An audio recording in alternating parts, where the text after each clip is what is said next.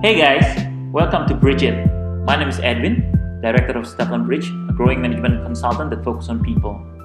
Bridge It is a podcast dedicated to learn, share, and discuss insight about leadership, development, and business from people point of view. Let's check it out.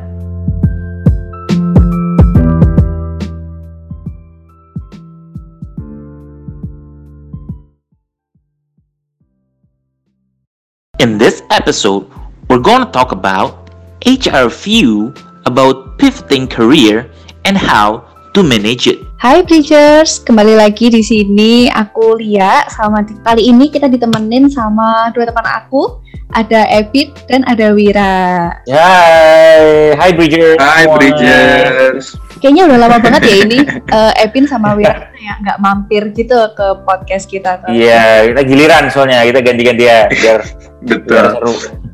Oh iya iya benar-benar. dinamis. Masih bukanya menantang juga nih kemarin-kemarin gitu. Jadi baru bisa mampir. Eh, Mm-mm. mumpung di sini lagi pada lagi pada bisa gitu berkesempatan ngobrol bareng di sini kita hari ini mau ngebahas sesuatu yang cukup menarik nih jadi eh, Hmm. temanya adalah tentang pivoting karir gitu sebenarnya pivoting karir itu Hmm. seperti mention juga sih waktu itu ya Wira waktu kita HR discussion Yes, nah tapi ternyata betul. walaupun udah banyak pertanyaan yang masuk nih masih menjadi hal yang ditanyakan terus nih bagi entah itu bagi HR practitioners atau eh, employee employee employee yang penasaran sebenarnya Hmm. orang-orang HR atau company memandang pivoting karir itu seperti apa sih gitu. Nah sebenarnya mungkin Hmm. belum sebelum kita Hmm. Sih gitu ya pivoting karir itu apa sih? Jadi pivoting karir itu adalah switching karir. Jadi katakanlah ketika awalnya seorang employee itu bertanggung jawab atau berkarir di bidang finance, terus tiba-tiba dia beralih ke bidang marketing, vice versa dan bidang-bidang lainnya gitu. Nah, pengen tahu nih dari uh, pengalaman atau mungkin Evin bisa cerita gitu. Kira-kira pivoting karir kalau pandangannya dari HR practitioners, HR expert atau dari company sendiri gimana sih memandang pivot karir ini gitu? Oke, company eh, beda-beda ya ininya ya eh, pandangannya. Cuman ada beberapa pandangan yang melihat bahwa pivoting karir itu bisa datang dari memang dari karyawannya gitu. Oh, gue pengen pindah nih gitu ya. gue personally melakukan itu ya. Jadi gue pindah dari finance ke HR. Jadi gue adalah orang yang pindah dari finance ke HR sehingga company perlu manage nih. Ini gimana nih kalau misalnya ada orang yang kayak gini gitu. Dia pengennya kayak gini dan banyak. Ada teman gue yang finance ke marketing misalnya gitu. Dari sales misalnya ke marketing atau misalnya ada- ya itu hal-hal seperti itu ada yang dilakukan. Nah, dari sudut pandang company sih sebenarnya kita perlu melihat satu sih ya. Yang pertama adalah kita perlu melihat bisnis needs-nya gimana. Eh, tentunya itu yang pertama. Yang kedua ya talentnya itu seperti kayak gimana. Beberapa pekerjaan yang sifatnya lebih multi dan multi entry gitu ya, multi dimension atau backgroundnya bisa bebas, macam eh, sales, marketing, HR gitu kan dia nggak terlalu rigid ininya ya. Eh, apa namanya lalu harus ada background apa? Lebih ke karakteristiknya profilnya sama ininya. Apa namanya passionnya sepertinya gimana? So nggak apa-apa gitu. Itu dari situ kita bisa lihat nih oh kalau talentnya oke ya mungkin itu bisa kasih kesempatan. Lu ada tempatnya di sini nih kita bisa koordinasi sama sama orang HR gitu. Oke ini ada movement eh, orang dari sini seperti ini talentnya seperti ini dan bisa bagus. Kalau misalnya ini oke kita bisa lakukan gitu. Nah itu yang yang pertama bisa kita lakukan ya. Dari dari sisi company-nya tuh we can shift the person dan kita memang mulai um, ya dia jadi kayak karyawan baru lah sebenarnya ya di section tersebut. Nah itu part yang mungkin kita sedang uh, bisa lakukan. Nah itu satu. Nah kedua memang kita sendiri nih yang initiate, maksudnya company sendiri yang initiate uh, pivot karirnya gitu. Karena kita melihat mungkin kita melihat potensinya dari orang itu satu. Ya jadi itu yang sweet benar. Yang kedua memang itu bisa dari part uh, of the program. Ya kita mungkin ada program ya zaman sekarang sebenarnya banyak ya yang model kayak gitu. Maksudnya banyak tuh MT program, manajemen training program menurut gue itu adalah pindah-pindah ke beberapa tempat untuk untuk mereka bisa belajar banyak hal gitu. Hmm. Beda-beda pastinya ya, mungkin ada yang beneran pindah dari HR, finance, terus kayak gitu marketing, supply chain misalnya apa, ada yang model kayak gitu, ada yang misalnya untuk finance tapi dia di rotate ke beberapa function. So whatever it is, itu menurut gue konsepnya itu mirip dengan finance, uh, pivot gitu ya. Banyak orang untuk berubah karirnya dan itu kalau misalnya kita perencanakan developmentnya, track developmentnya, I think it's a good thing ya. Uh, again, align dengan apakah ini align dengan company uh, punya ver- uh, long development plan gitu. Jadi kalau misalnya kita lakukan itu orang tuh mungkin kalau misalnya banyak pivot kita lakukan jadi dia punya lebih kaya uh, angle kaya network orang yang ada di functionnya. Ketika di develop dan dia jadi in a higher position dia lebih punya big picture yang lebih baik bisa berdiskusi dengan komunikasi yang pas dengan counterpartnya yang merupakan function yang lain gitu. Nah itu modal nih untuk jadi leaders yang lebih lebih komplit gitu ininya ya functionnya. Dan dari sisi development diper, diper, dipersiapkan. Nah, menurut gue itu sih uh, part dari pivot itu seperti kayak gimana dan bagaimana company bisa melihatnya dan tentunya sekali lagi dilihat dari bisnis apakah ini baik atau buruk tergantung gitu ya maksudnya kita pengennya kayak gimana mungkin kalau misalnya kita tiba-tiba kita nggak ngerti tiba-tiba orang yang pengen pindah ya mungkin kita bisa nggak bisa accommodate pindahnya malah dia bisa keluar gitu hmm. terus udah gitu tapi kalau misalnya memang kita plan ya mungkin kita tahu ini orangnya akan sama kita develop ke beberapa tempat ya that's a great strategy menurut saya sih untuk bisa jadi development program oh, gitu nice. nih lihat kalau dari pandangan gue ya berarti emang mungkin uh, ini uh, biasanya dipersiapkan untuk leader gitu ya? Iya kalau dari company yang memang didesain dari company biasanya sih gitu ya. Hmm. Karena kan kita pengen orang untuk uh, biasanya ya, karena kita pengen hmm. orang untuk bisa punya exposure ke beberapa tempat gitu. Jadi I think that is something yang yang laku. Hmm, Oke, okay. kalau dari Wira sendiri gimana nih? Mungkin ada uh, personal experience mungkin atau pernah hmm. apa pernah tahu ada fenomena ini gitu di company? Hmm, uh, kalau misalnya uh, dari aku sih, ini kalau saya tadi dari angle-nya Ebin itu adalah misalnya adalah suatu perusahaan yang memang udah established gitu ya maksudnya kayak skalanya juga I think lumayan besar untuk bisa mengakomodir misalnya karyawan yang ingin develop cross function gitu misalnya atau ada kayak yang memang programnya gitu dari perusahaan supaya yeah. oke okay, prepare nih buat leadership berarti dia harus tahu misalnya coba deh di rotate ke divisi ini divisi ini divisi ini supaya nanti pas jadi jadi leader udah ada big picture-nya gitu tadi kalau dari uh, Ebin ya. Nah kalau dari aku mungkin ada juga angle lain nih daripada si career pivot ini mungkin lebih ke arah misalnya kemarin ini sempat di HR discussion juga ada pertanyaan masuk yang similar dengan ini gitu ya. Bridgers kalau misalnya apa namanya curious dengan HR discussion kita, silakan head up ke Instagram kita at Stephen Bridge ya. Nah tapi ini anyways ada pertanyaan masuk seperti ini. Kalau misalnya ada pivoter gitu, ada orang yang habis pivot, entah dia pindah divisi, bisa dari finance ke marketing kayak tadi dibilang, atau misalnya dia pindah divisi dan pindah industri nih. Misalnya dia tadinya dari finance di industri A, terus dia jadi marketing ke industri B. Nah itu gimana tuh gitu ya? Hmm. Nah, itu akan jadi positif atau negatif impact sih sebenarnya ke ke timnya gitu. Karena sebagai HR juga concern kita mungkin adalah seperti itu ya nih orang kayak udah bukan dari bidangnya, beda industri pula gitu ya. Gimana nih kita bisa menghandle-nya gitu ya.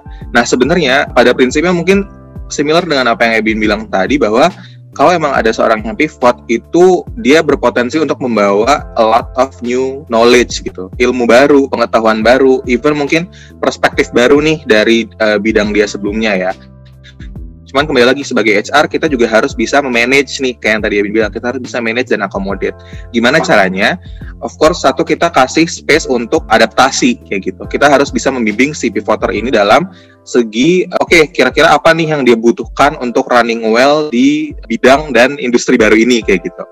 Jadi apa namanya kita juga harus understanding bahwa memang ada potensinya gitu. Potensi potensi dia untuk berkontribusi secara positif itu sama besarnya gitu ya. Jadi bukan karena dia ah kayaknya dia bukan dari bidang kita deh, kayaknya dia kayaknya bakal ter, tertinggal gitu. Sebenarnya nggak juga, bisa dia tetap untuk keep up, tapi harus dengan dukungan yang pas nih.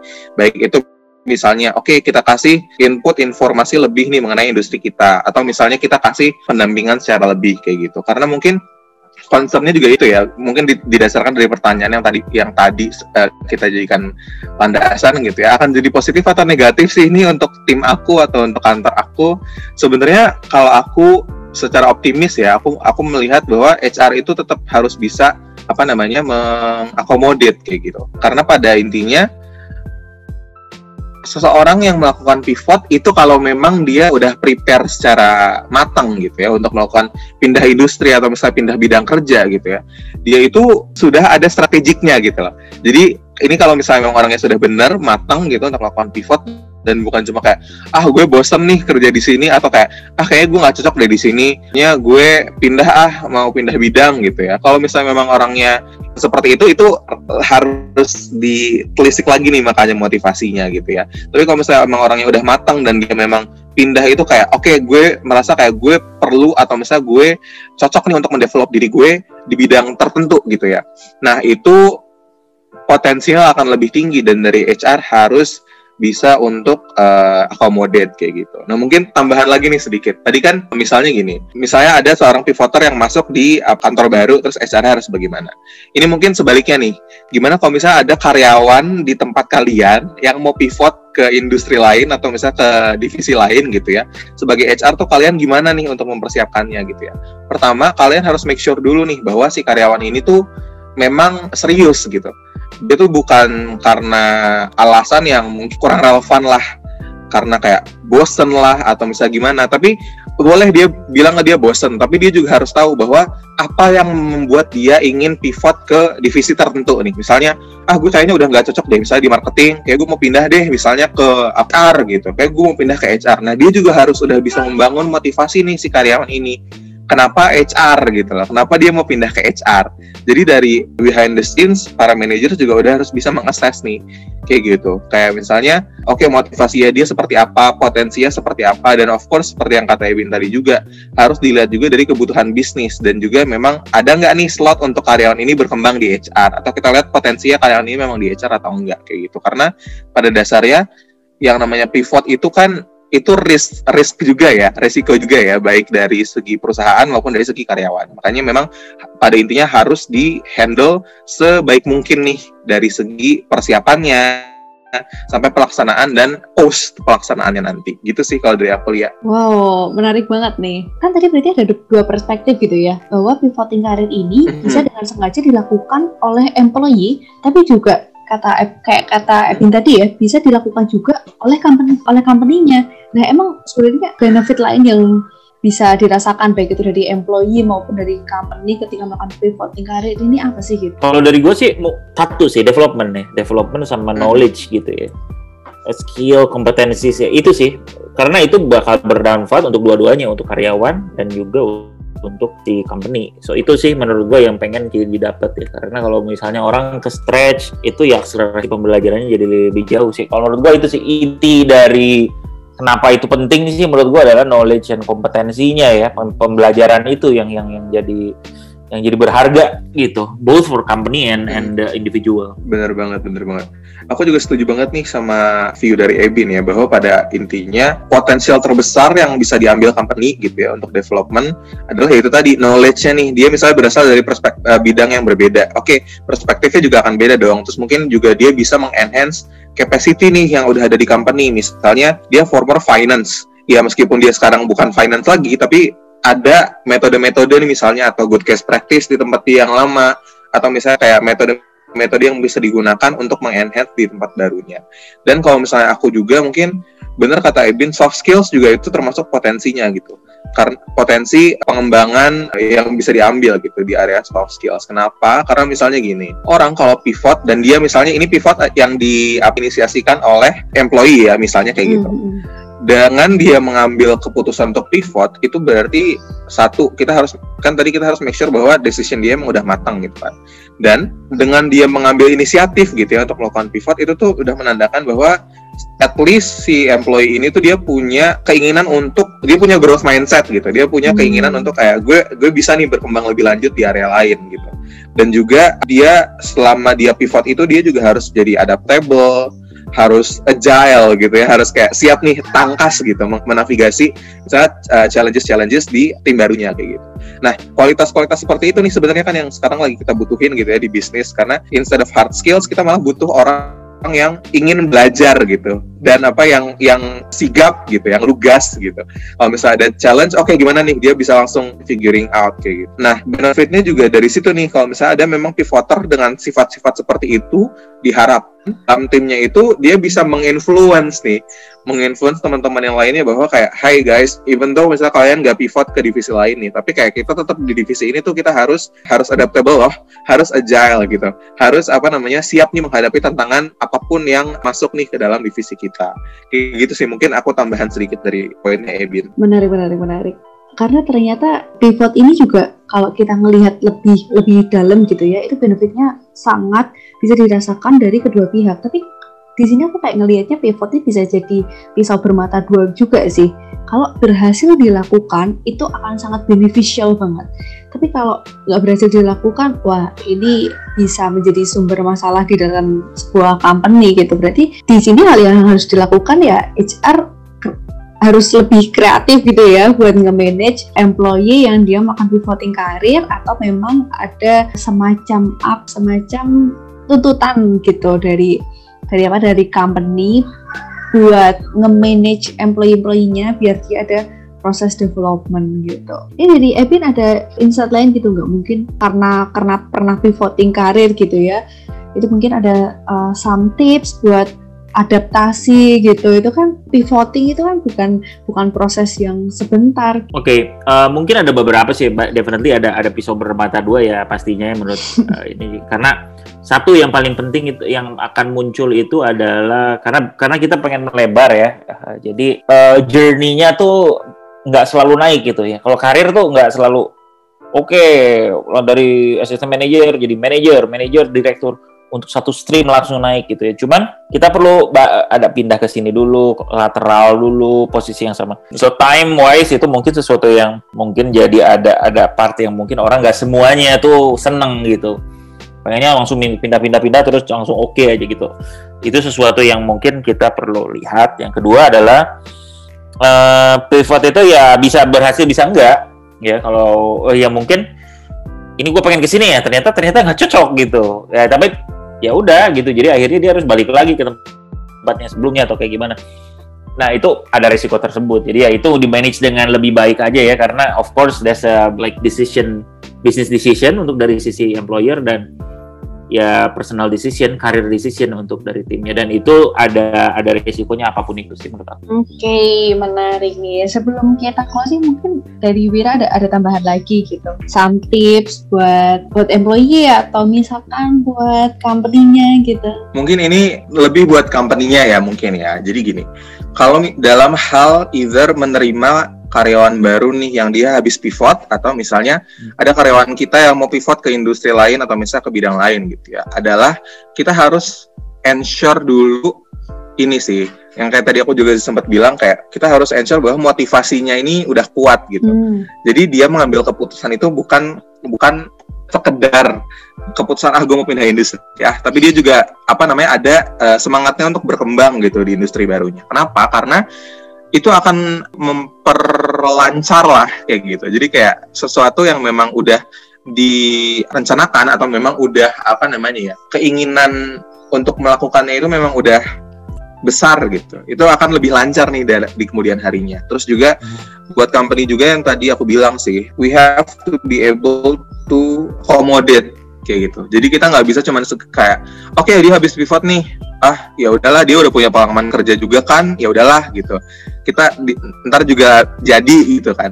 Sebenarnya sebenarnya nggak juga kayak gitu. Kita juga tetap harus monitoring nih bahwa kayak oke okay, habis pivot terus habis itu kira-kira developmentnya dia di, di, di departemen barunya seperti apa nih? Atau misalnya oke okay, dia habis pivot dari industri lain. Kira-kira apa nih yang dibutuhkan untuk bisa excel uh, bisa operating with excellence gitu maksudnya ya di empat barunya ini kayak gitu. Karena kembali lagi yang tadi Bin bilang resikonya itu untuk kedua-duanya gitu jadi kita, sebagai HR juga tidak bisa menyepelekan gitu ya kebutuhan development dari si karyawan yang pivoter ini gitu. Karena nanti ujung-ujungnya impactnya ke company juga sih kayak gitu. Nice, oke, okay. thank you Wira, thank you Epin for discussion uh, hari ini gitu ya di episode ke-81 yeah. ini. Nah kalau misalkan kita sum up dari awal sampai akhir, ini pivot shifting karir adalah suatu hal yang menarik karena ternyata ada dua perspektif nih dari employee-nya tapi juga bisa dilakukan dengan sengaja dari company-nya karena memang untuk kebutuhan development dan kalau dari employee-nya betul kayak kata Wira tadi memang benar-benar harus di make sure orang yang melakukan pivoting ini udah benar dengan decisionnya atau belum, emang udah mulai belajar mendalami karir yang baru atau belum, terus uh, memang ada ada skills atau potensi di situ atau enggak gitu. Nah, tips yang paling menonjol ya, yang paling penting dilakukan adalah sebagai HR ya kita harus mengakomodasi employee-employee yang memang udah udah apa ya, udah mau untuk untuk pivoting karir untuk alasan development, learning dan sebagainya, tapi juga kita harus mengakomodasi kebutuhan dari company untuk mencetak leader-leader yang memiliki uh, various experience gitu. Biar nanti ketika menjadi leader, kita akan menjadi leader dari yang bisa berpikir atau yang bisa memecahkan masalah dari berbagai arah dan sudut pandang. Oke, okay, nice. Thank you semuanya dan thank you Bridgers yang udah mendengarkan podcast episode kali ini. Sampai jumpa di episode selanjutnya and see you Bridgers. See you. See you, Thank you, Bridgers. Bridgers. See you. Don't forget to listen to our podcast every Wednesday on Spotify, Apple Podcast, and Google Podcast. Visit our website at stavelinbridge.com. Follow us on Instagram at stavelinbridge. And for any inquiries, please email to contact at stavelinbridge.com.